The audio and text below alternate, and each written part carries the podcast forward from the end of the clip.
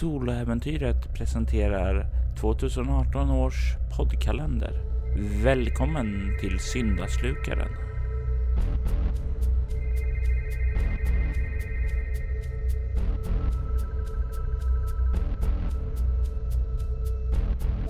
Jag heter Pernilla Sparhult och du har tidigare hört mig i Vi spelar rollspel och Tärningen är kastad. I detta avsnitt spelar vi rollspelet Leviathan.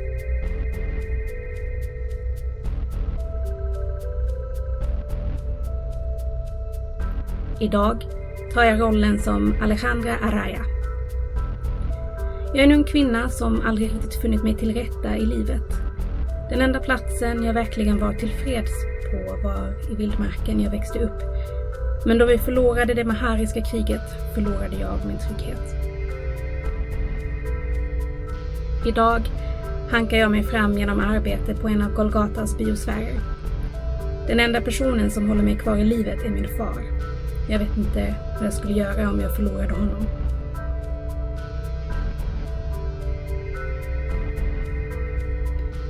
Välkommen till äventyret Förlorad i den röda skogen.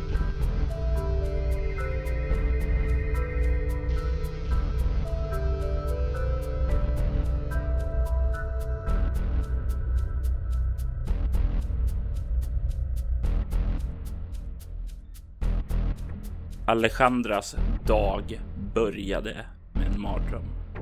En mardröm om en röd skog.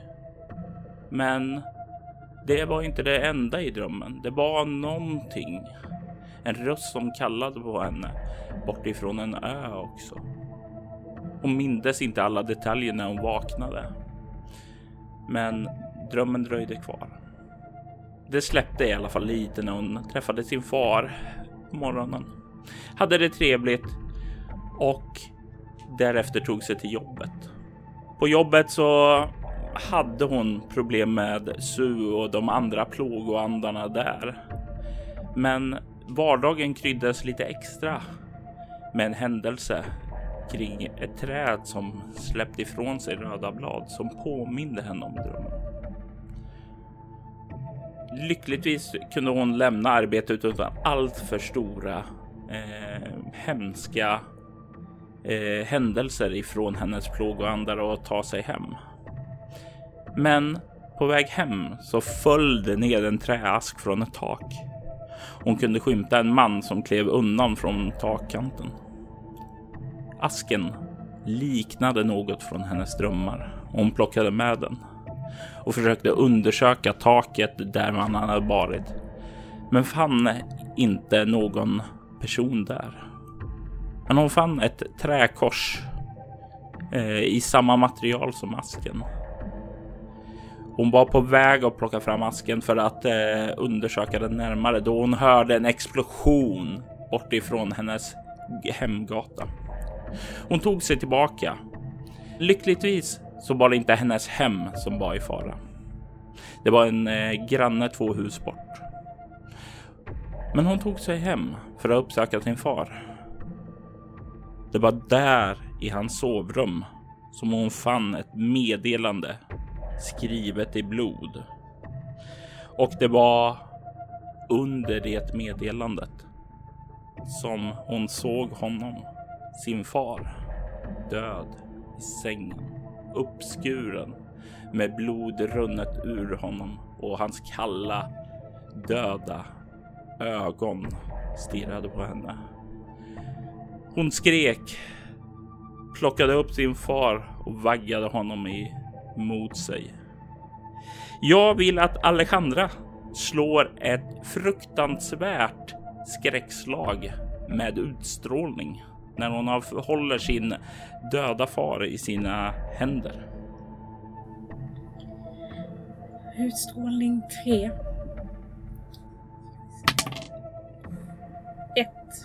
På tärningen. Du får tre skräcknivåer av att bevittna det här tre skräcknivåer. Jag eh,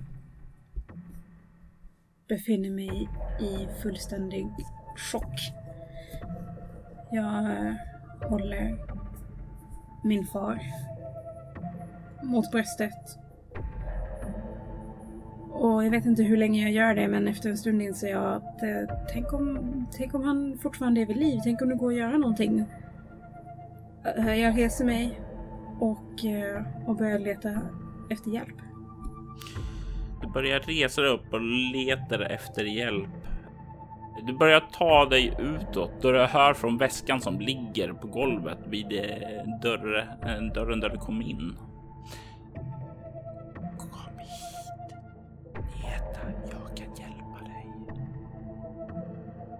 Jag står som förlamad och stirrar på den med den här träasken. Och jag känner den här stanken av blodet från, från min pappas kropp.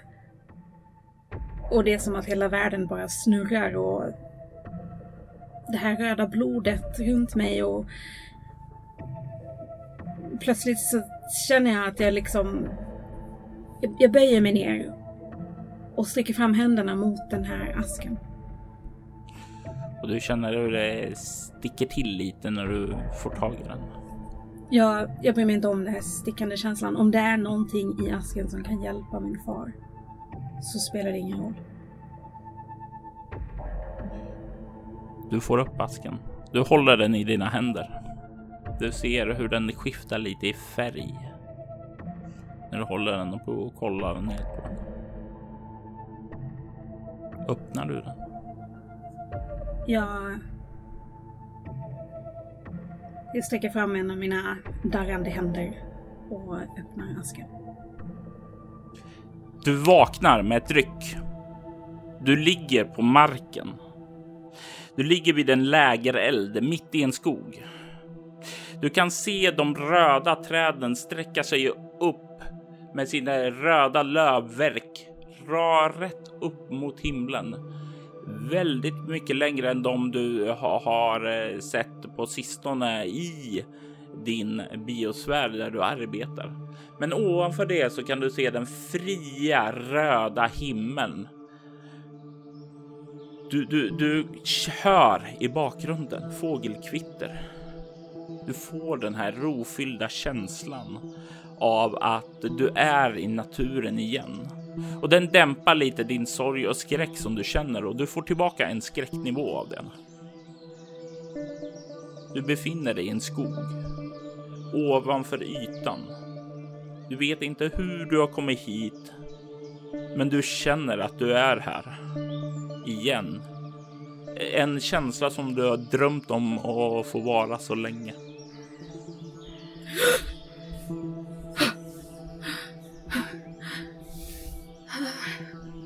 Jag, jag ser mig om i, i skogen och efter att jag slagit upp ögonen och, och tittar på mina händer.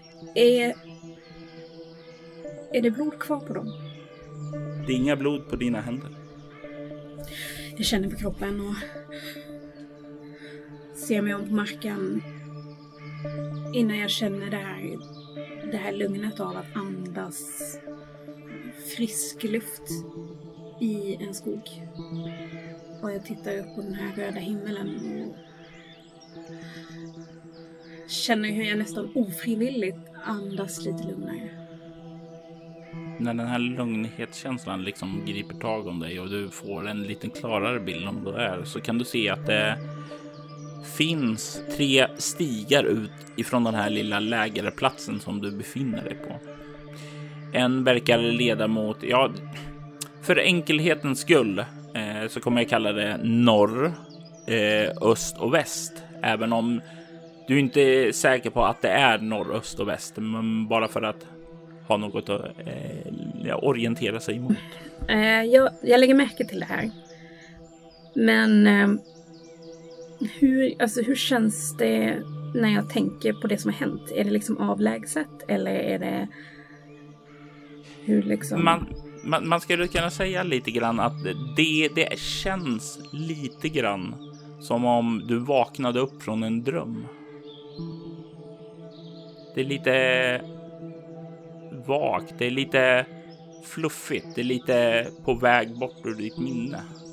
Som att, som att jag inte kommer ihåg riktigt. Eller att det är sant att min pappa är död. Det är lite grann som om det vore en dröm, det du nyss upplevde. Okej. Okay. Ja, eh, och det, det, är en liten eld där vid... Eh, mm. Precis där jag ligger. Jag, jag tittar in i den en stund och tänker, tänker på det här och försöker komma ihåg vad det var jag, vad det var jag drömde. Um, men sen eh, skakar, jag, skakar jag på huvudet. Tittar upp på de här tre stigarna. Du kan slå ett ego överlevnad. Och här får du använda din specialisering vildmarksvana. Vildmarksvana. Två tärningar för att röra sig obehindrat i svår terräng. Mm. Så här, ego 5, överlevnad 6. 5 och 4 på tärningen. Så det borde väl vara 19. Du kan som sagt var se att den eh, stig som eh, leder emot... Eh, 20.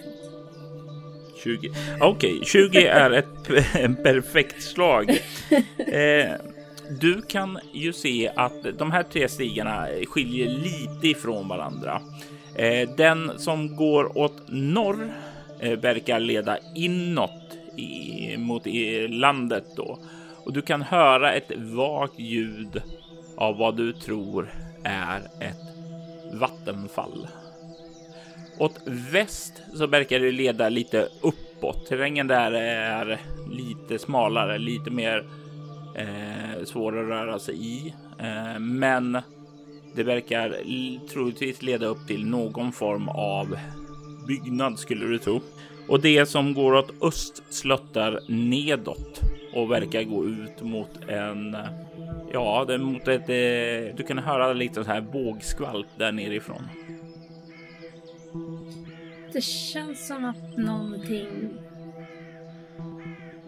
Någonting pockar lite grann i, eh, i bakhuvudet när det kommer till vågskvalp. Men samtidigt så känner jag att jag är i en skog och, och att ett vattenfall var, var det hur många år sedan som helst som jag såg.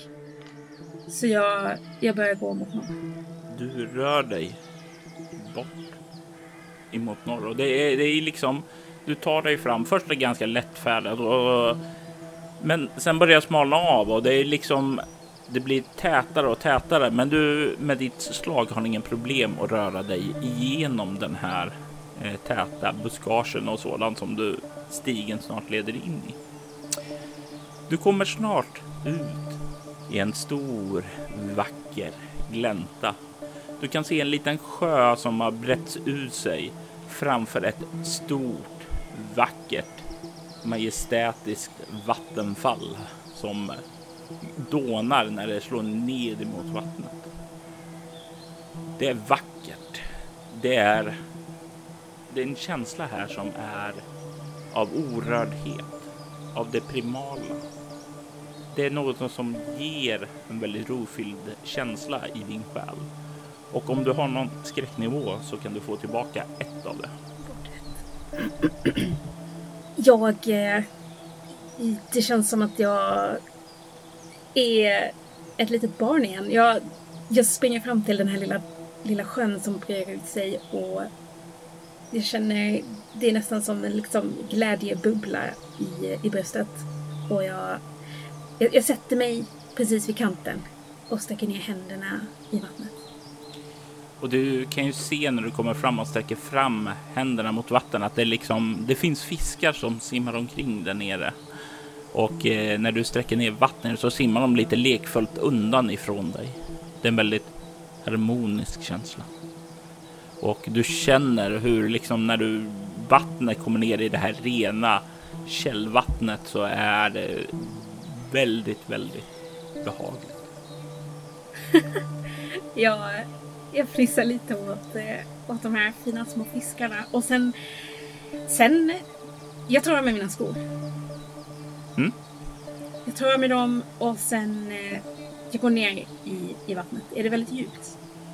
Nej, inte här i början utan eh, det sluttar väldigt plant jag kavlar upp eh, byxbenen och, och går ut en bit i vattnet och liksom försöker gräva ner tårna i, i liksom botten lite grann och bara känna den här underbara känslan av att vara i naturen. Och det är harmoniskt. Mycket av det här som du har saknat så mycket. Det eh, liksom nu så kommer allt tillbaka. Du förstår varför du saknar det och du känner dig hemma här på ett sätt som du inte har gjort under ytan. Du kan tycka dig ana något bakom vattenfallet. Mm. Vad är det där? Jag, jag, går, eh, jag går längs med kanten på sjön, liksom närmare, närmare vattenfallet. Du kan när du börjar komma närmare där ana att det verkar finnas någonting i vattnet där. Någonting under där själva vattenfallet. En liten grotta. Mm. Som eh, verkar vara något ljussken som kommer därifrån. Ett ljussken? Vad är, vad är det för färg på ljuset? Det är fortfarande rött. Allting här verkar filtreras genom rött filter. Jag fortsätter gå närmare längs med kanten. Och det blir ju, ju närmare du kommer själva vattenfallet, desto djupare kommer det att bli. Så du kan inte gå längs med eh, själva bergsväggen för att komma fram, eh, utan du kommer behöva simma om du ska ända fram dit. Okej, okay. jag tar mig kläderna uppe på marken då och sen eh, knyter jag ihop dem i ett litet knyte eh, som jag lägger på huvudet och sen eh, simmar jag ut mot vattenfallet. Kommer jag kunna slänga in mina kläder innanför så att de inte blir superblöta? du tar och simmar lite närmare och kollar och ser att ja, det finns ju. Det fi, finns alltså om du ska in i grottan så måste du simma ned i vattnet under oh, och in. Okay. Eh, det är inte så att du kan slänga in det där, mm. för det är inte ovan ytan som grottingången finns. Jaha. Uh, såg man det där bortifrån? Jag tänker mig att du kanske inte såg det så bra där bortifrån utan det är först nu när du kommer närmare som du ser det klart och tydligt. Okej. Okay. Ja, i så fall simmar jag tillbaka. Tar på mig mina kläder och eh, så simmar jag ner vattenytan. Mm. Jag vill att du slår ett kropprörlighet. Kropprörlighet. Fyra i kropp. Två i rörlighet.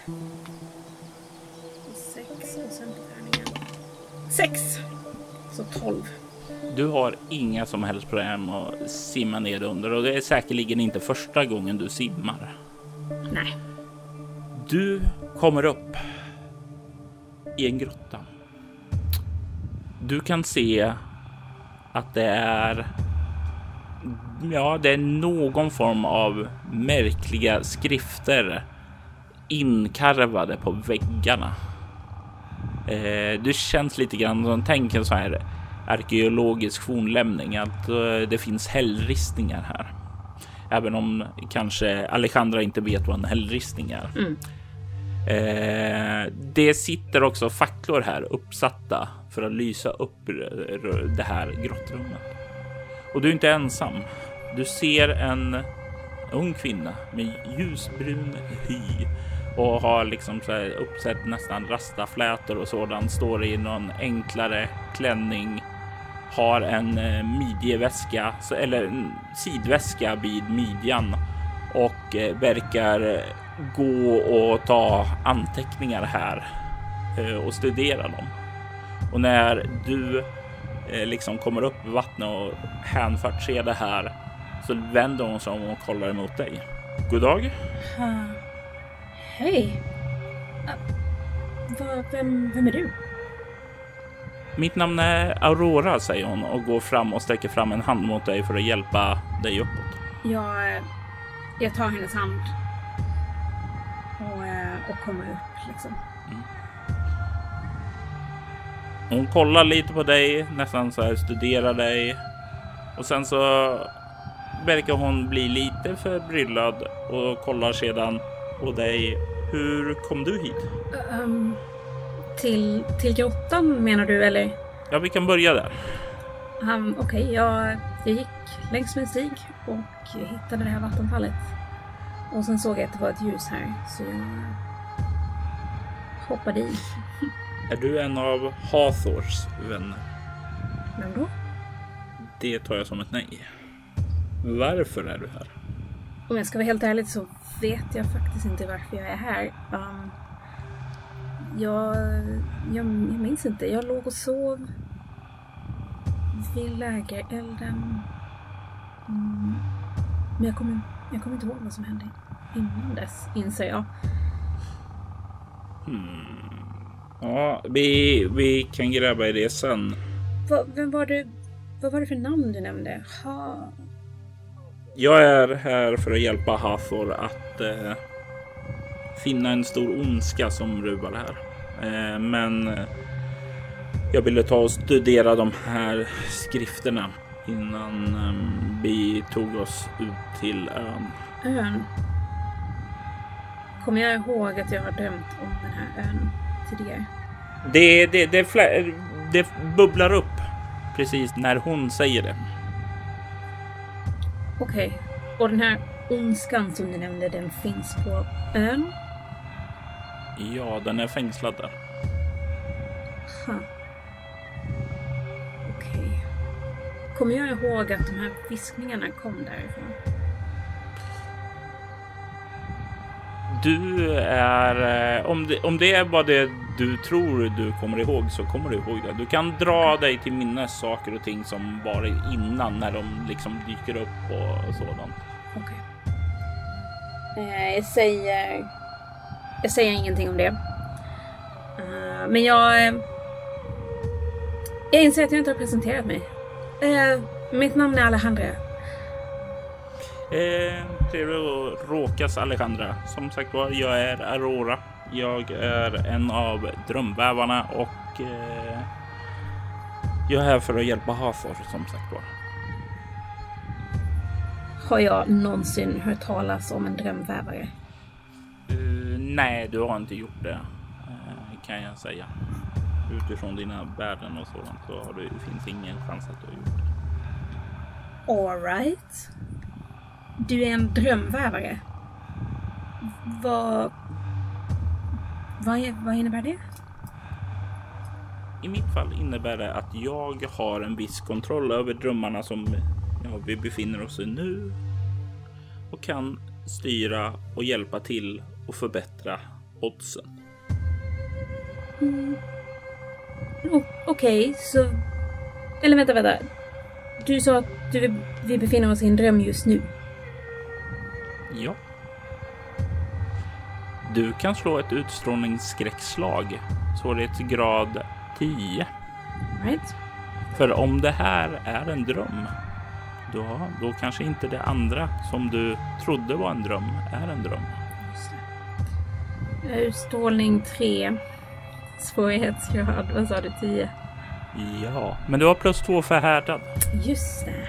Okej, okay. kom igen. Mm, fyra, fem, sex, sju, nio fick jag. Fyra på tärningen. Mm. Du får en skräcknivå av den här insikten.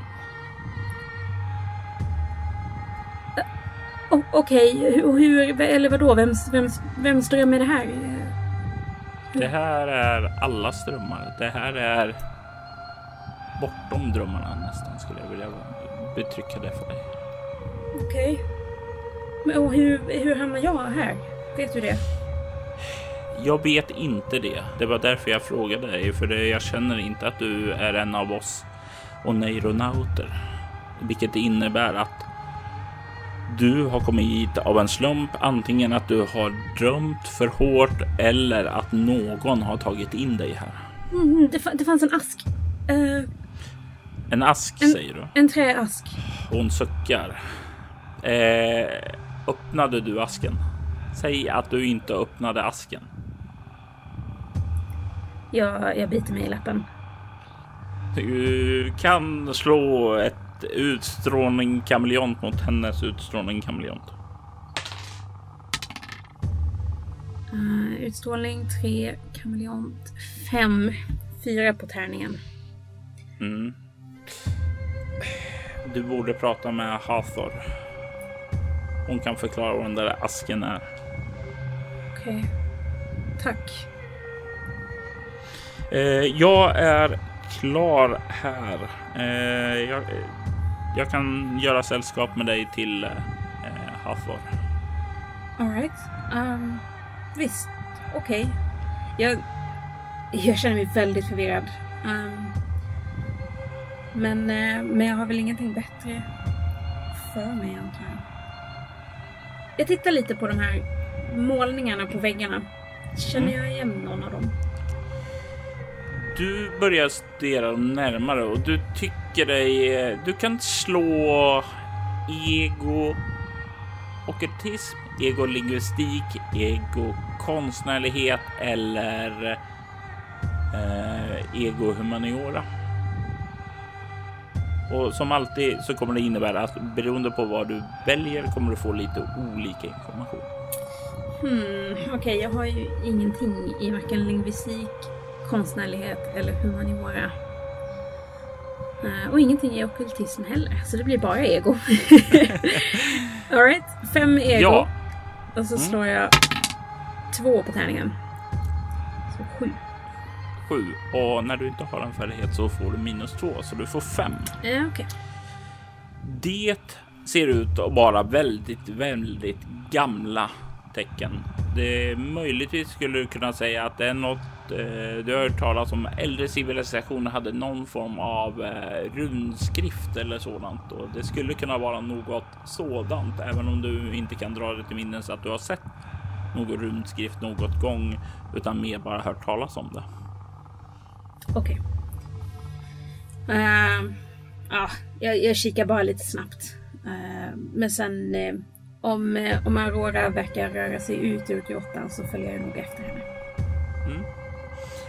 Och hon tar och dyker ned i vattnet och simmar utåt. Jag följer efter. Och ni kommer upp ur vattnet och kommer upp på stranden och hon liksom simmar på andra sidan stranden än du dök ner där och du kan se att det finns en packning där och hon går fram till den, plockar fram en handduk till sig och sen så kastar hon en även till dig också. Ah, tack. Jag, eh, jag torkar av mig så gott det går. Eh, och sen just det, jag går och hämtar mina skor. Jag antar att de ligger kvar där jag lämnade Ja, skor kan vara rätt skönt att ha när man går i skogen sedan. Så du går och plockar upp dem och de är kvar där du lämnade dem. Du ser att Aurora följer med dig och sedan så gör hon en gest och följa, följa stigen en bit. Och ni går en bit längs med den innan hon eh, viker av rätt in i vegetationen. Ja, jag följer efter. Och eh, det går en liten stund, kanske ja, fem minuter max, där ni sedan kommer ut ur skogen, ut på en gårdsplan och kan se en timmerstuga. Eh, kan se att det hänger någon typ av märklig flagga från en gammal ett gammalt, gammalt land som inte längre har någon relevans eller betydelse i din i ditt dagliga liv så du kan inte identifiera vilken flagga det är. Mm. men själva timmerstugan ser ganska robust och rejäl ut och på eh, trappen framför eh, ytterdörren så kan du se en äldre kvinna. Det ser nästan ut som hon, eh, hon har slutit sina ögon och verkar sitta i någon form av djup meditation. Du kan se att hon är ganska robust. Eh, har ett blont hår som är, ja, vad ska man säga, ner nästan till nacken. Eh, ser ganska så här skrynklig ut. Hon ser gammal ut, men det är någonting kring henne som ändå visar att hon hon har troligen varit med om en hel del i sina dagar. Och hon, när du liksom hör fotstegen öppnar ögonen och kollar på er. Så du har hittat en vän, Aurora. Äh, inte min vän direkt, men eh, eh, äh, Hathor, Alejandra, Alejandra, Hathor. Och Hathor nickar åt dig och reser sig upp.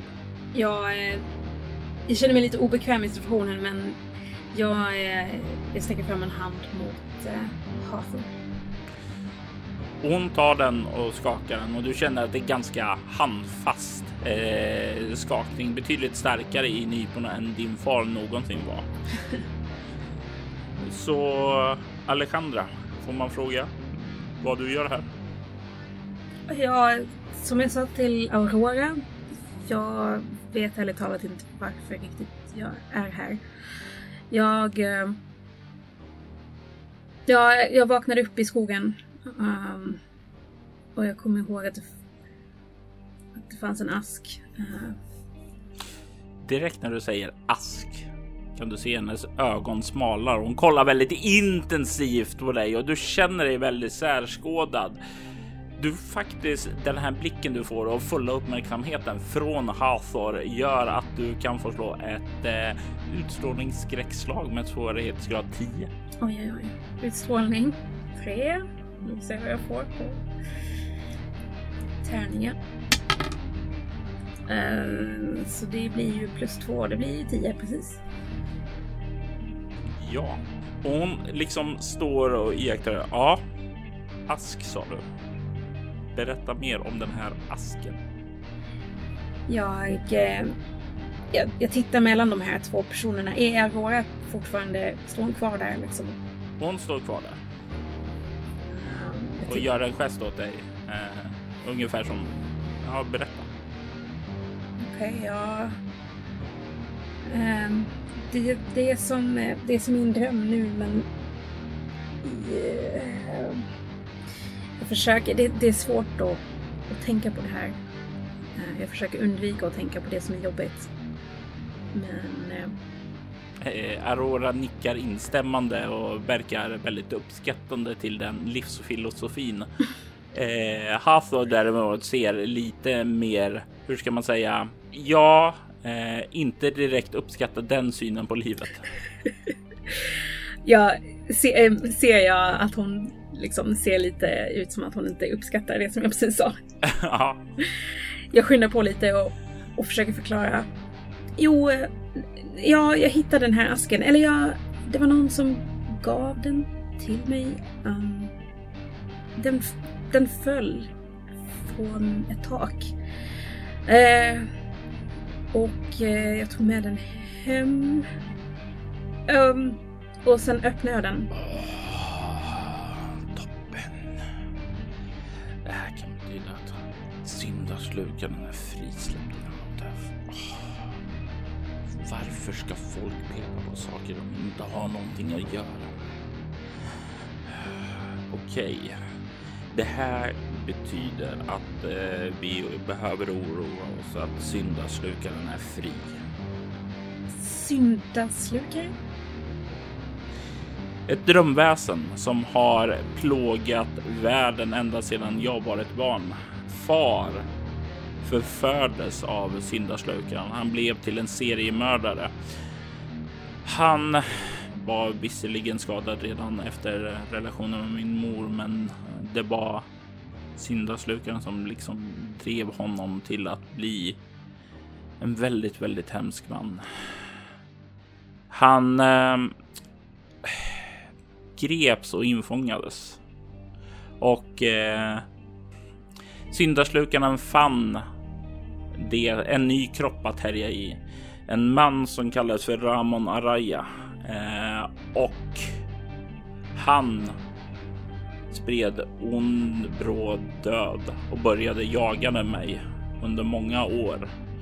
Till slut lyckades jag och min pojkvän Jamie ja, finna ett sätt att låsa in honom med hjälp.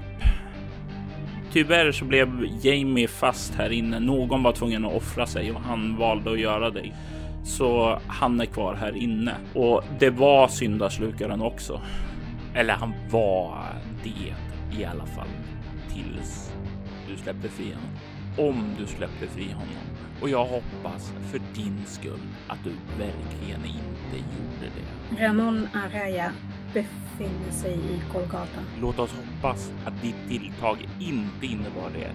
För att det innebär i så fall och troligtvis med tanke på den kollektiva skulden som alla dessa religiösa idioter eh, har så blir det en festmåltid utan sällan skådat slag.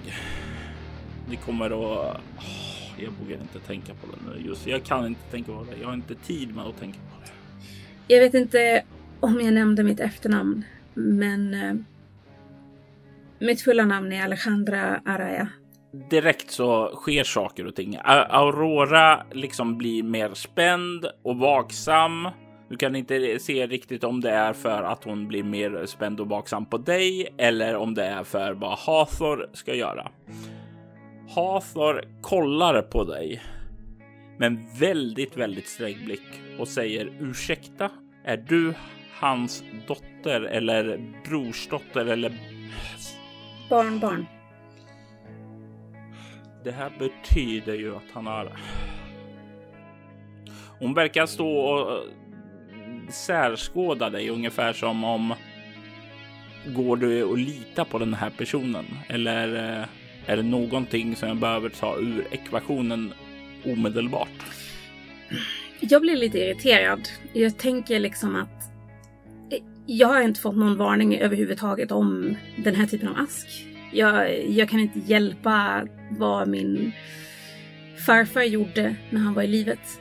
Um, och jag känner att jag blir lite orättvist dömd. um, Hathor, jag vet inte vad exakt du är för någonting. Eller exakt vad en syndaslukare är. Jag har aldrig hört talas om någon av de här grejerna tidigare.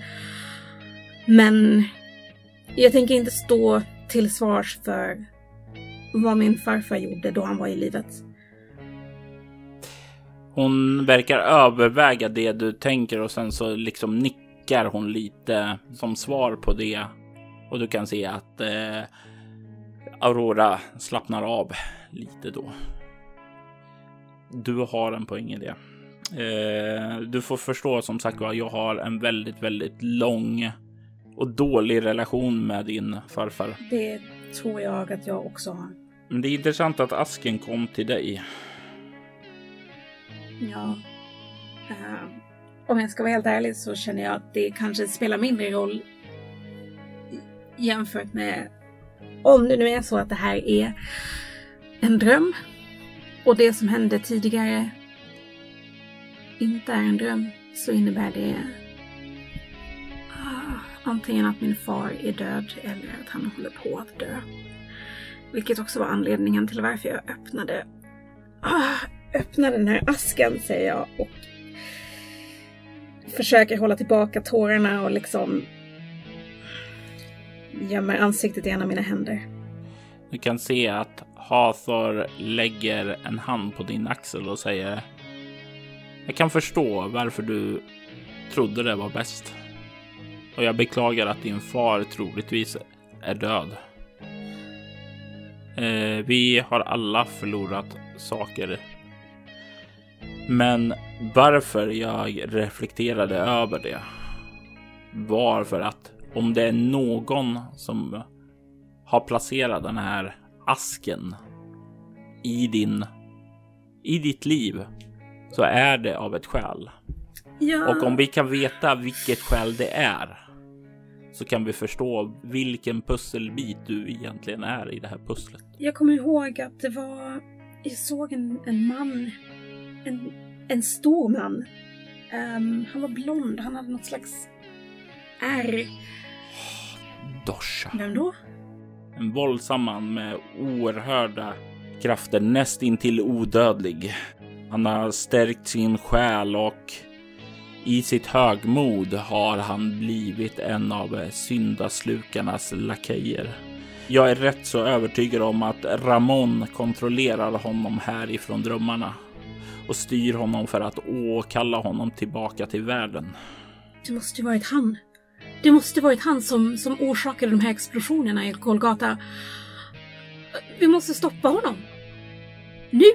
Var, var, var, är, var är vi någonstans? Jag, jag börjar se mig om och liksom blir, blir liksom lite stressad och så vi måste, vi måste stoppa de här människorna. Hon kollar bort emot Aurora och säger är du klar så är jag klar för sedan länge och Aurora säger jag är klar. Ja, då vänder hon tillbaka sin blick emot dig och säger ja, men då tar vi oss till eh, Arkwright Correctional Facility eller rättare sagt spegelbilden som finns kvar av den här i drömmen. Platsen där syndaslukaren och Ramon fängslades och platsen där Jamie återfinns. Efter dig säger Aurora, säger hon och gör en gest och Aurora eh, sätter sig ner på marken och börjar fokusera. Och börjar, du kan se hon börjar göra rörelser med händerna i luften. Ungefär som en, ja, nej, lite grann så här take the tai chi rörelsen. Jag har så många frågor som snurrar runt i huvudet. Men just nu, ja, jag, jag tror jag tar ett eller två steg tillbaka och liksom tittar bara på vad de gör för någonting. Medan Aurora gör de här rörelserna så ställer sig Hathor med händerna i kors och verkar bara avvakta på att eh, Aurora ska bli klar. Gör inte så mycket. Du hör fortfarande fåglar och så som kvittrar i bakgrunden. En bris som blåser lätt emot dig. Ja, jag känner hur en oerhörd sorg väller upp i, eh, i mitt bröst i den här kontrasten av att liksom vara medveten om att min far är antingen död, det verkar som att han är död, och samtidigt får jag befinna mig på en sån här plats och befinna mig i naturen. Även om det är en dröm så är det ändå verkligen någonting som jag har drömt själv. Eller erfarit de senaste åren. Och i nästa ögonblick så känner du det salta äh, vattenstänket slå emot dig. Du känner hur mm, vad heter det, miljön omkring dig har förändrats. Du känner vad heter det, kalla blåsten. Eh, här där du står nu plötsligt på en pir. Eh, en liten eh, brygga där som leder upp till en stor byggnad högst upp på den här ön som verkar vara karg i övrigt. Mycket stenigt.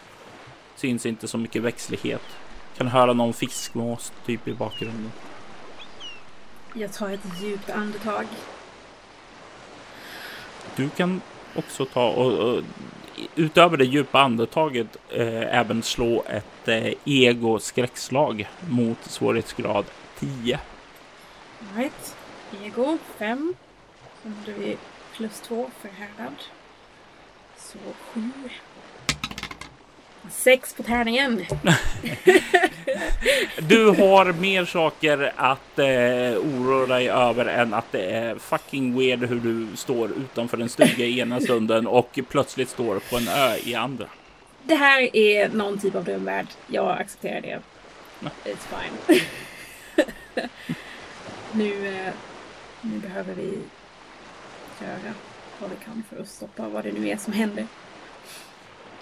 Jag, jag vänder mig om och ser efter, efter Aurora och Arthur. Är de här?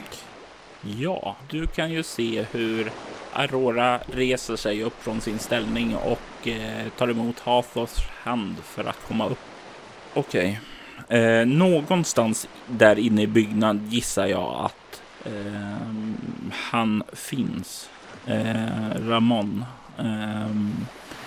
Det var där inne som han blev övertagen av syndaslukaren.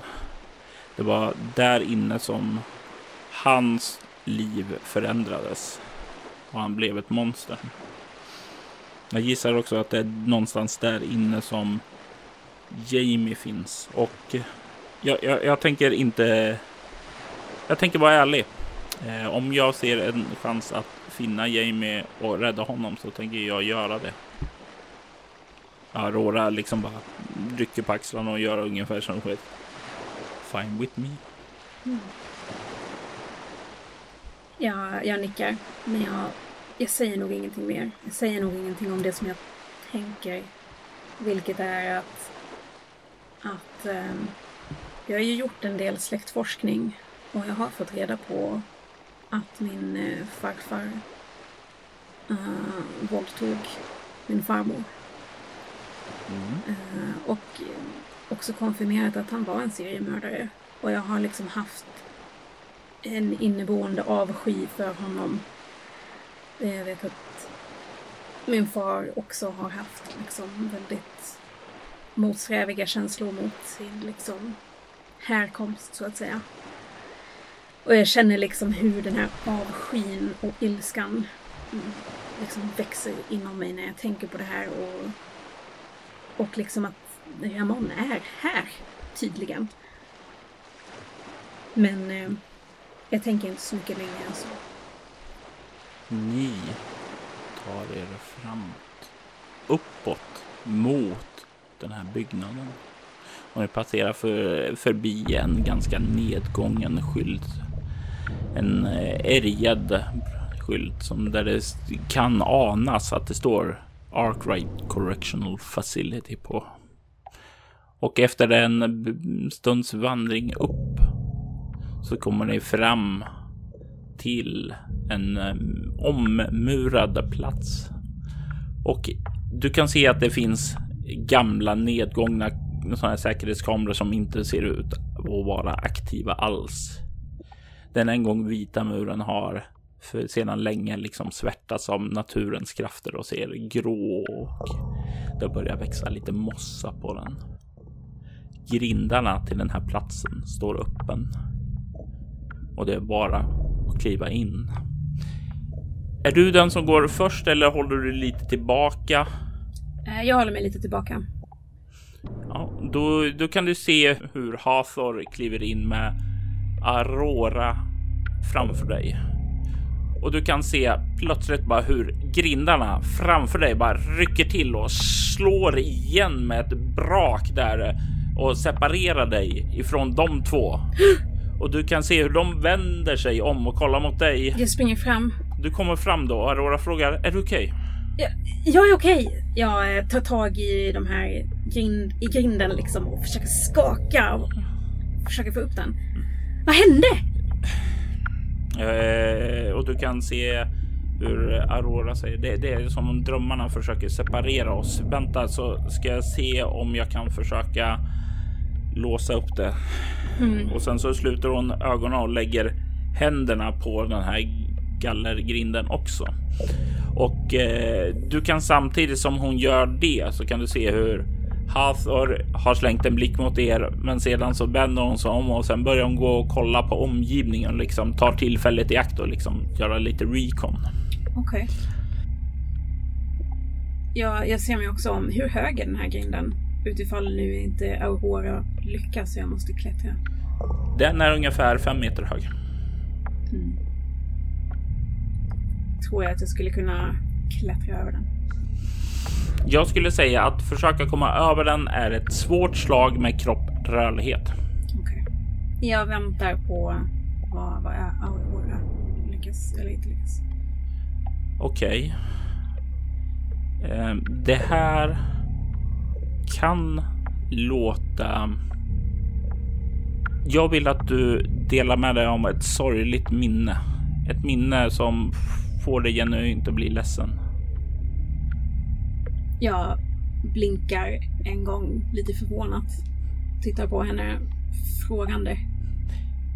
Det här är ingen vanlig fysisk port. Det här är ett drömlås. Alltså, de öppnas av minnen, av erfarenheter, av känslor. Och just det här är en känsla som måste låsa upp den. Okej. Okay. Sitter hon på marken på andra sidan eller står hon upp? Hon står upp. Okej. Okay. Jag, jag nickar och jag, jag, går fram så att det står ganska nära. Och så säger jag ja, det, det är ju inte så svårt. Hur, eh, hur ska jag göra? Berätta det. Eh, och liksom tillåt dig att känna minnet.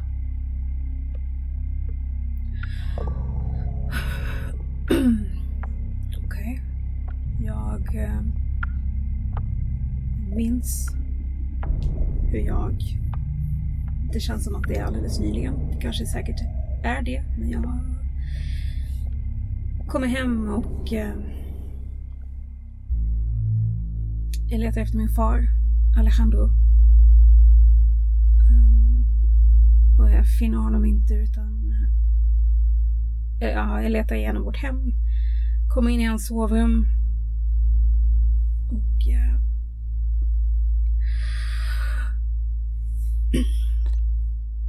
Aurora fattar dina händer. Jag håller krampaktigt i hennes händer. Jag vill verkligen inte känna eller tänka eller prata om de här sakerna än. Det är som att min hjärna inte har processat de här sakerna.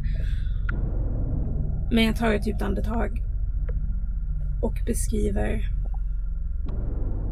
den här texten i blod på väggen ovanför min fars säng. Var inte rädda för det som ska ta död på kroppen, men inte kan döda själen. Frukta istället honom som kan förgöra både själ och kropp i helvetet. Och sen... Det var som att jag inte lade märke till det först. Men sen insåg jag att pappa låg... Han låg där. Um, ja. Han... Hans ögon var helt livlösa. Uh, och uh, någon hade skurit upp honom. Och, och använt hans, hans blod, tror jag, för att skriva den här texten på väggen. Um,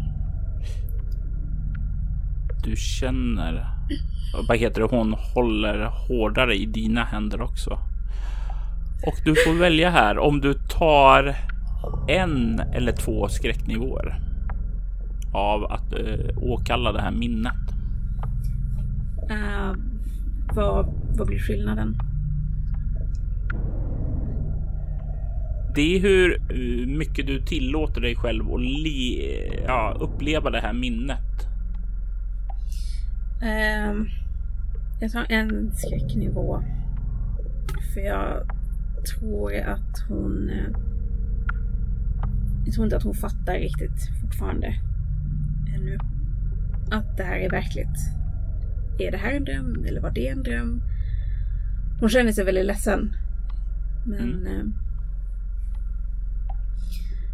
du känner dig fortfarande lite grann som att uh, det kanske var en dröm. Precis. Pappa kanske fortfarande är vid liv någonstans på något sätt. Hon slår ifrån sig liksom den logiska tanken att nej, det är han förmodligen inte. Uh, och när hon gör det, när hon slår ifrån sig den tanken så, så uh, börjar hon gråta mer ohejdat. Och det tar, det hör ett långsamt gnisslande och hur grindarna sakta, sakta glider upp. Det, det tar tid, men det öppnas upp då när tårarna börjar välla fram. Och, och när liksom det blir tillräckligt stort för att öppna upp sig så kan du se hur Aurora kliver igenom där och liksom går fram och omfamnar dig och håller om dig.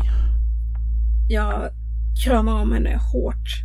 Hårdare än vad jag kramat någon på väldigt, väldigt länge.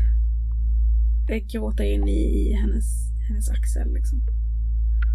hon bara låter dig gråta och håller om dig och stryker handen över ditt hår.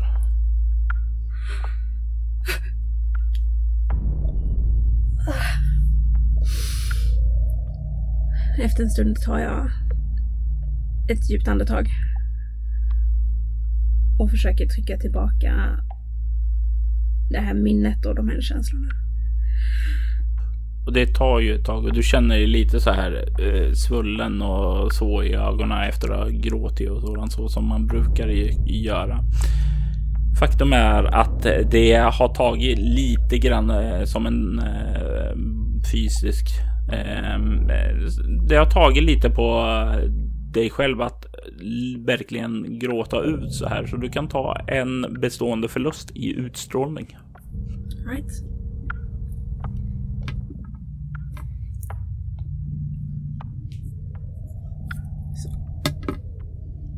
När ni släpper varandra så lägger du märke till att ni är, är ensamma.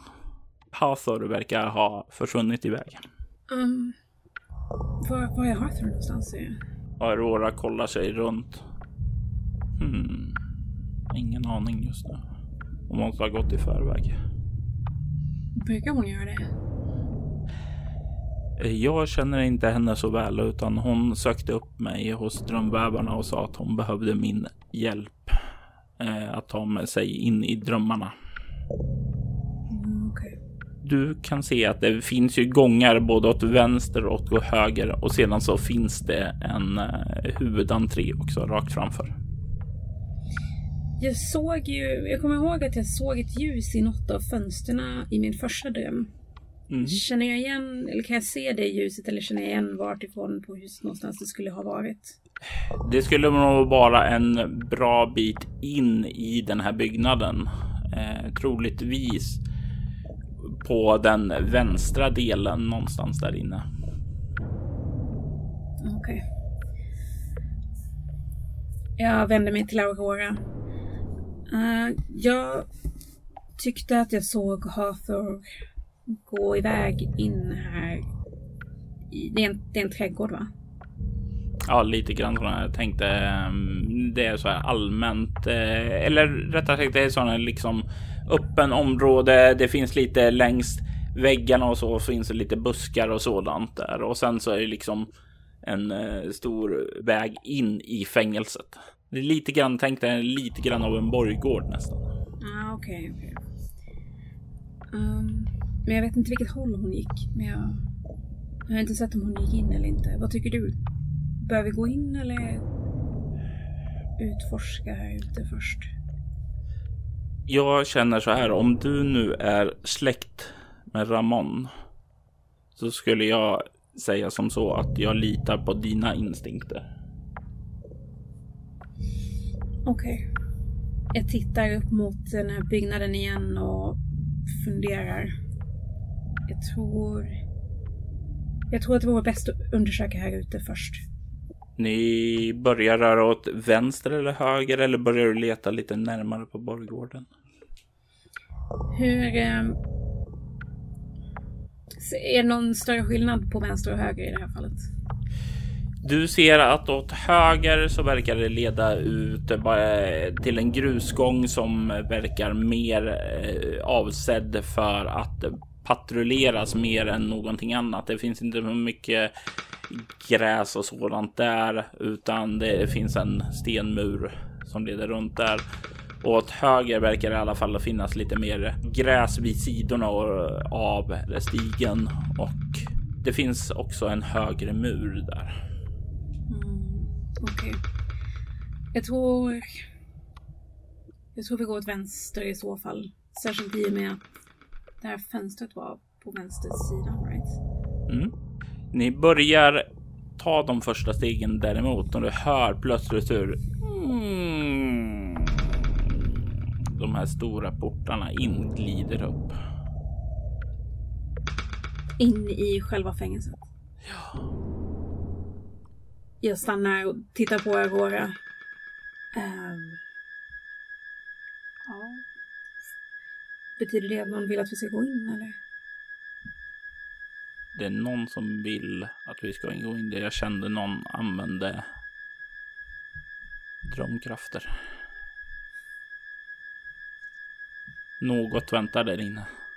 Tror du att det är samma som eh, som stängde grinden och försökte separera oss? Det skulle inte förvåna mig. Jag tror vem det än var så ville träffa dig ensamt.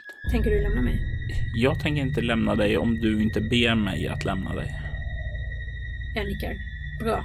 Jag tittar, eh, jag tittar först mot den här gången, eller åt vänster dit vi tänkte gå och sen tillbaka mot ingången. Biter mig lite i läppen.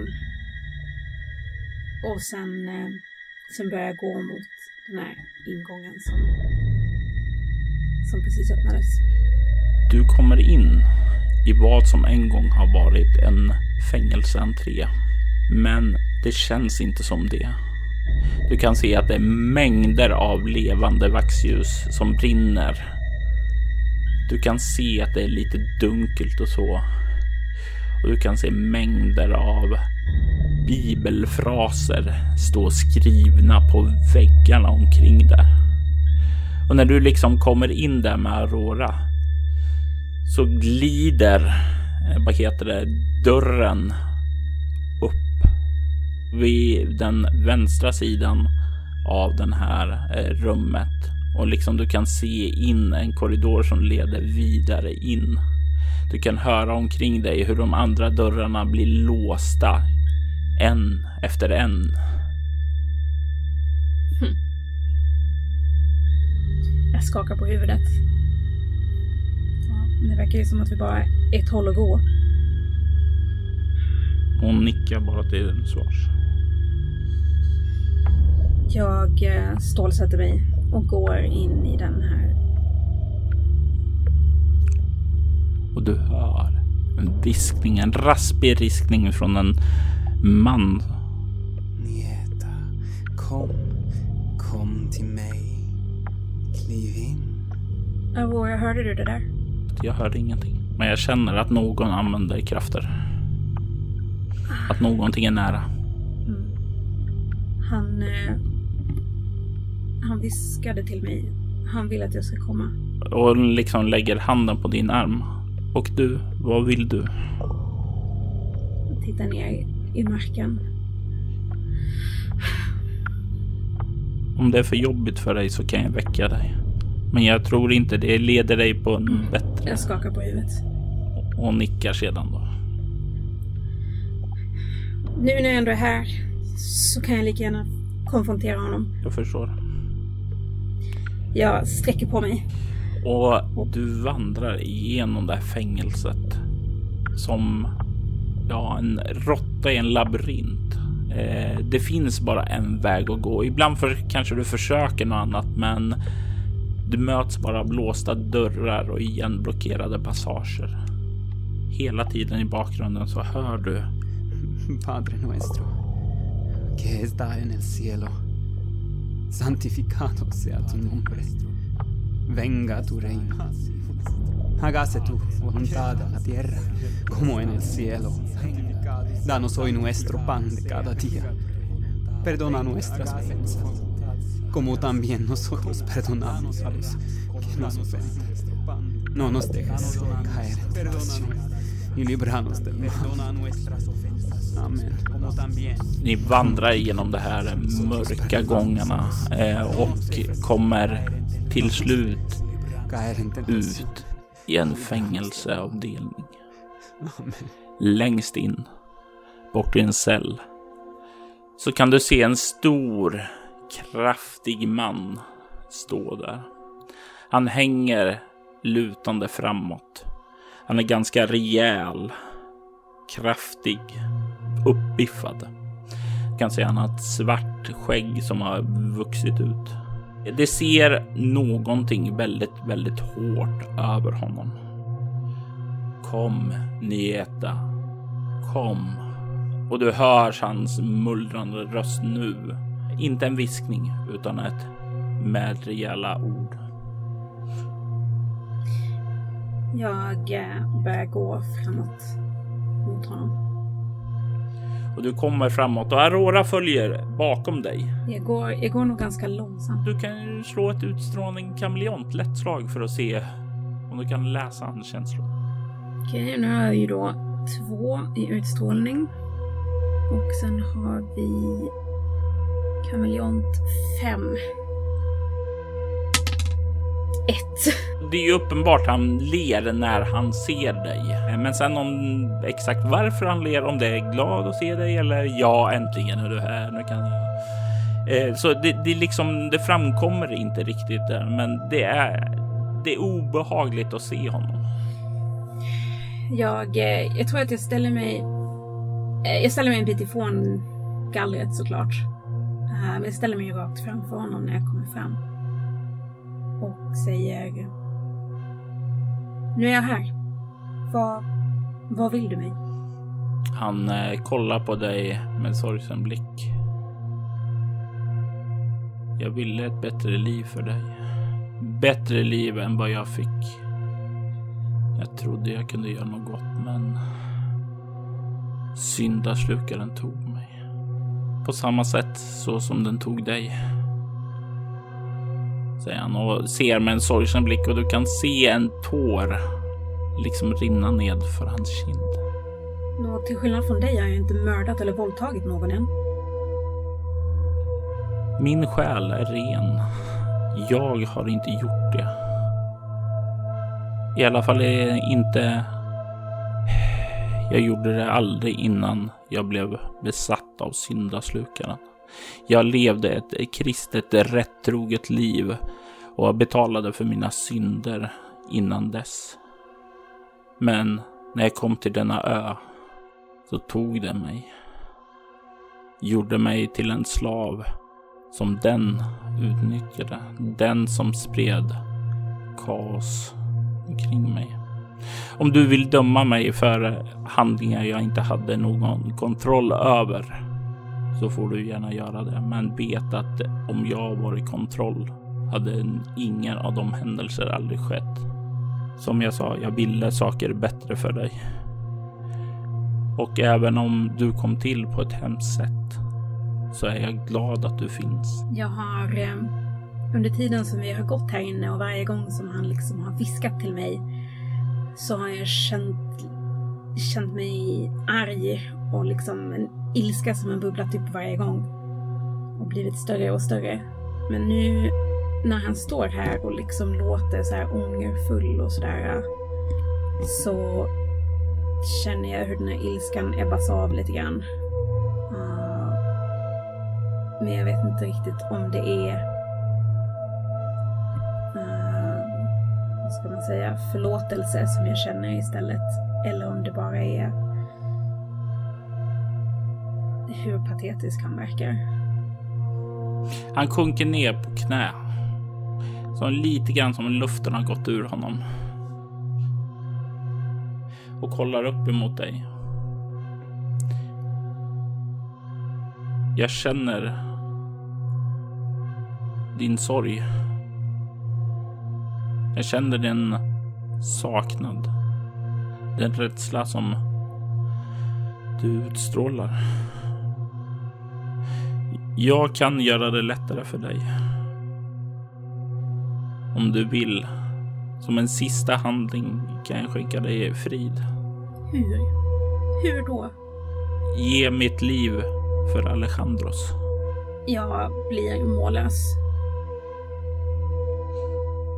Jag kan se hur Aurora lägger liksom handen på dig. Är det okej? Okay? Jag, jag vet inte riktigt. Men eh, sen kommer jag ihåg något som något som vi pratade om tidigare, som Hathor nämnde. Det här att hennes teori var att eh, Ramon kontrollerar syndaslukaren härifrån. Mm. Jag tittar upp på honom. Du säger att du hade inte gjort de här sakerna om du var i kontroll.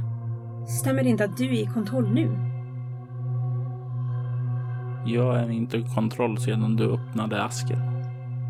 Men det betyder att det var du som orsakade... Det var du som orsakade min fars död till att börja med. Nej, jag har inget med din fars död att göra. Men det finns andra som tjänar syndaslukaren. En man som kallas för Dosha kan röra sig där ute nu när jag inte längre kan göra det. Och det är han som har syndaslukarens gunst. Och det var han som fick dig att öppna den här. För att du är mitt barnbarn. Du ska göra samma sak så som jag en gång gjorde. För det är så syndaslukaren vill att det ska ske. Men det var ju du som viskade till mig. Det var ju du som... Det var ju du som gjorde det från början. Till och med i den här grottan när jag var liten. Det var du hela tiden. Jag hade drömmar om dig. Jag minns inte mycket av tiden. Tiden förflyter annorlunda här. Jag vet inte om det gått hundra år, tusen år. Det har förflutit längre än vad jag någonsin borde ha levt. Det här är inte Guds rike. Det här är ett limbo, en skärseld som plågar ditt sinne. Jag är klar nu. Men det var länge sedan jag var så här klar. Jag vet inte vad mitt undermedvetna gör hela tiden, så om du säger att jag har gjort hemska saker så skulle jag vilja säga att jag inte gjort det, men jag vet inte. Jag, jag suckar och känner mig så förvirrad. Jag tittar på Aurora. Hon böjer sig framåt dig. Jag kan säga som så att jag känner ingen närvaro av den här syndaslukaren ifrån honom. Känner du den från mig? Hon tar och sluter ögonen. Sen öppnar hon den och sen så skakar hon på huvudet. Vet du... Kan du avgöra om det var... Om det var Ramon som... Som vävde drömmen tidigare? Hon eh, nickar åt dig och sen så kliver hon fram till den nedsjunkna Ramon och sätter sig på knän och håller fram händerna till honom och säger Du fattar mina händer. Och han kollar liksom upp mot dig och söker råd vad han ska göra. Jag, jag nickar uppmuntrande som att han ska ta hennes händer liksom. Och då tar han hennes händer och du kan se hur hon håller dem ett tag. Och plötsligt så släpper hon dem och liksom kollar på honom och sen så kollar hon på dig och du kan nästan se hon när hon reser sig upp och hur hon tränger tillbaka tårarna som är på väg ut. Vad hände? Jag såg. Jag såg. Syndasluken är inte här för den har tagit sig ut ur den här världen. Den har tagit över din fars kropp. Men, men min far är död? Eller? Hur, hur då? Drömmar har en förmåga att göra det omöjliga verkligt. Ja, jag går fram och, och böjer mig ner mot eh, Ramon. Han kollar upp mot dig. Abuelo, hur... Hur menar du att du kunde ta min fars plats? Jag kan ta in hans själ in hit i drömmen och låta mig själv bli till syndaslukarens verktyg igen. Men din far skulle inte behöva uppleva allt det som jag behövt uppleva genom mitt liv. Han skulle visserligen vara här kvar här inne, men han skulle kunna leva fritt, ta sig ut från fängelset, bort i skogen, kanske leva ett fritt liv den tid som är kvar tillsammans med dig här. Och och ni, ni kanske skulle få ett vackert liv tillsammans i alla fall. Det skulle kunna bli min gåva till er. Men vad händer med den verkliga världen då? Är min kropp kvar där?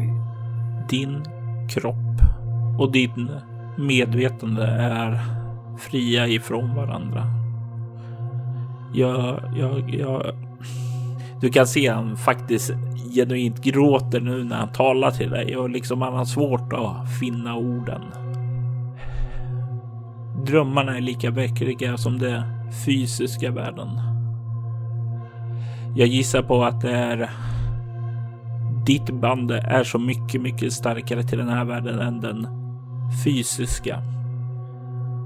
För jag gissar att du känner ett utanförskap som du aldrig riktigt kunnat överbrygga. När han säger det så, så känner jag i min själ och i mitt hjärta hur sant det är. Men... Men vad händer med dig då? Ska du vara fast här? Jag kommer vara fast i den fysiska världen.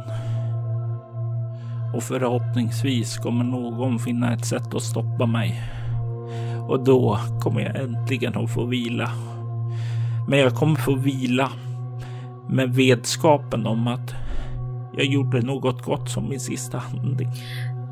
Sväljer hårt. Så oavsett vilket så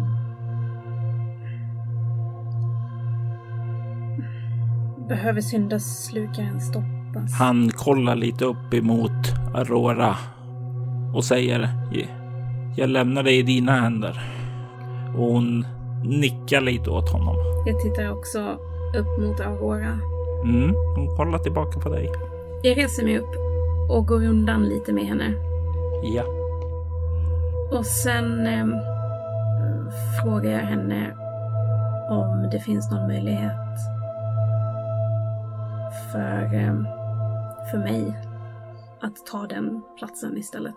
Hon eh, kollar på dig och säger eh, om han kan göra det så tror jag mycket väl det skulle kunna gå att göra.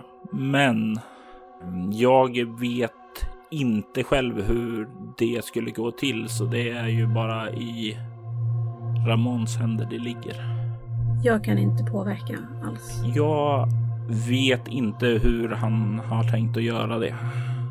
Så jag kan inte säga huruvida du kan påverka det. Jag nickar. Tack. Nickar tillbaka. Jag, jag går tillbaka till Ramon och, eh, och sätter mig där igen. Ja. Liksom sticker in eh, min, min hand och liksom vill ta hans hand. Han fattar dina händer. Gör, gör det du tror är bäst, abuelo. Och du kan se han gråter. Du vet dels av sorg, men även av glädje. Och sluter din hand. Och eh, du kan höra honom börja be. Och du kan höra hur han ber Fader vår på spanska. Que estás en el cielo, santificado sea tu nombre, venga tu reino, hágase tu voluntad en la tierra como en el cielo.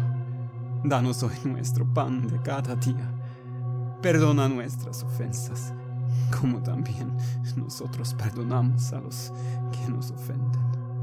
No nos dejes caer en tentación y libranos del mal. Amen. Och sedan så tystnar han. Och liksom hans huvud sänks. Och du hör hur det klickar till i i låsen i cellen. Och han faller bakåt och landar på marken. Finns det någon möjlighet för mig att ingripa? Hur vill du ingripa? Om det finns någonting jag kan göra för att offra mig själv. Istället för eh, min far och eh, min abuelo. Du behöver eh, då beskriva vad, för det är, du är inte särskilt kunnig inom det oneironautiska. Eh, så, eh, du har ingen aning utan du sitter där och han ber bönen och eh, det är någonstans där i sånt fall du behöver göra någonting, men då behöver du komma på med en idé själv. Du får ingen hjälp ifrån mig på den planen. Um, i så fall, under tiden som han ber, så, så ber jag tyst för mig själv till, eh, till Gud. Mm. Och eh, ber att eh, få ta min farfars plats och offra mig själv. Jag erbjuder mig. allt vad jag kan. Du kan slå ett eh, slag med utstrålning kameleont.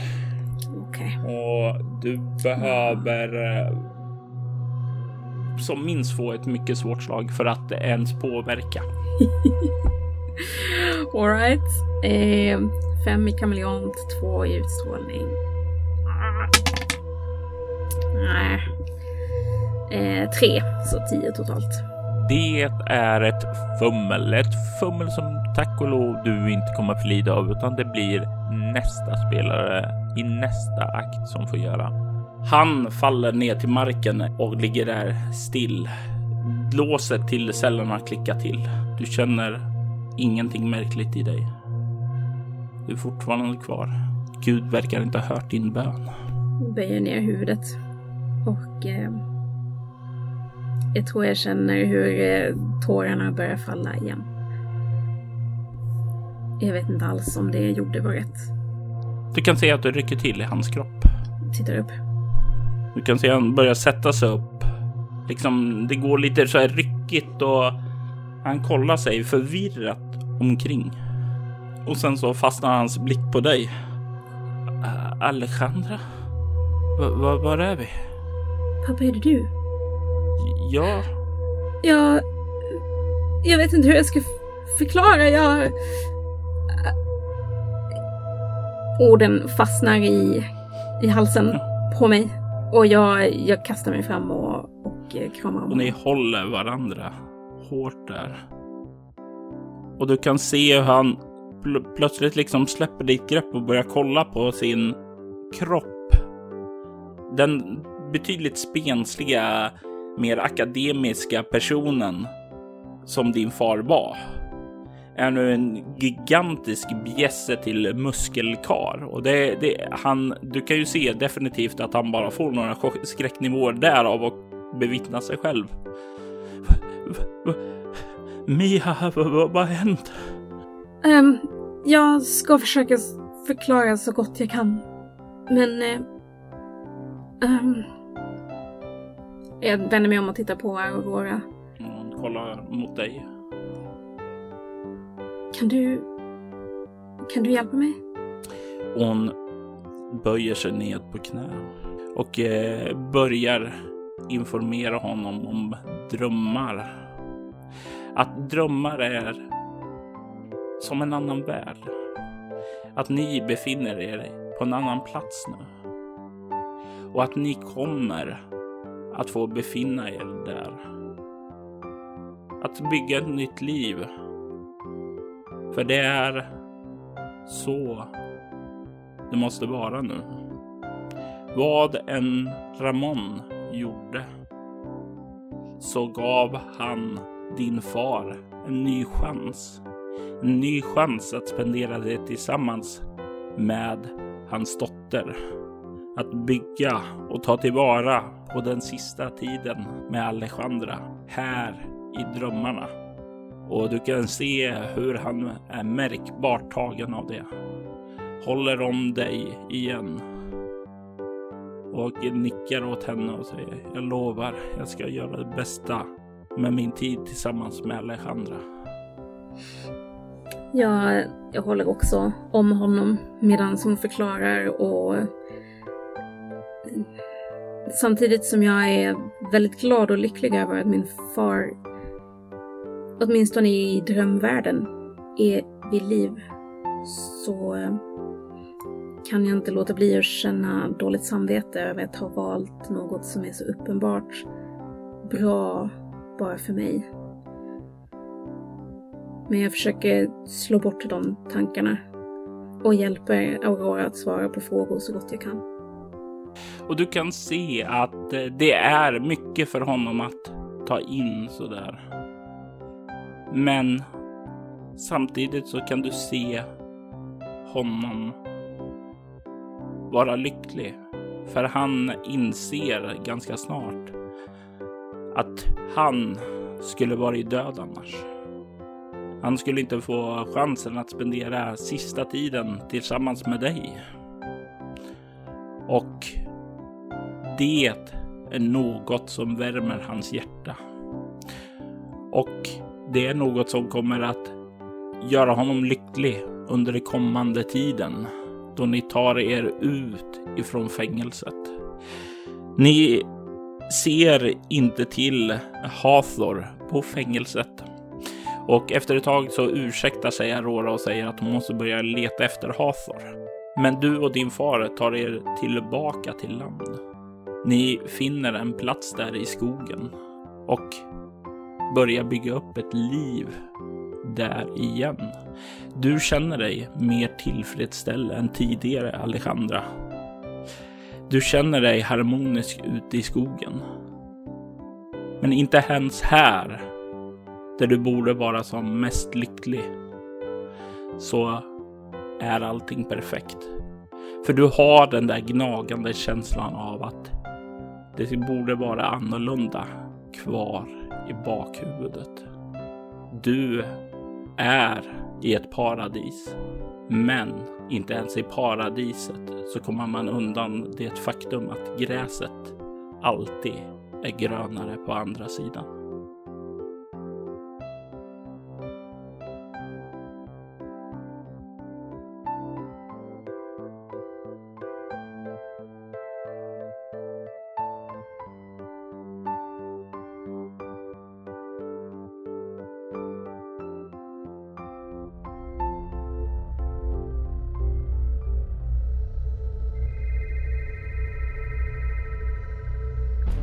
Alejandra Araya spelades av Pernilla Sparhult och spelledaren var Robert Jonsson.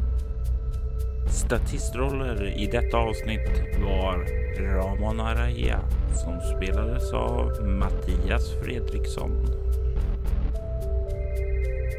Musiken i detta avsnitt var skapad av Andreas Lundström Abstract Assassinator Jon Lahtinen Arvid Kongstad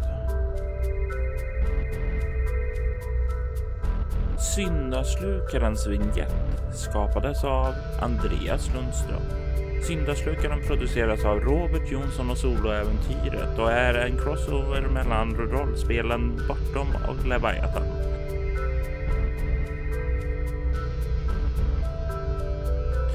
Soloäventyret finner du på iTunes, Bortom.nu, Facebook eller där du finner poddar i allmänhet.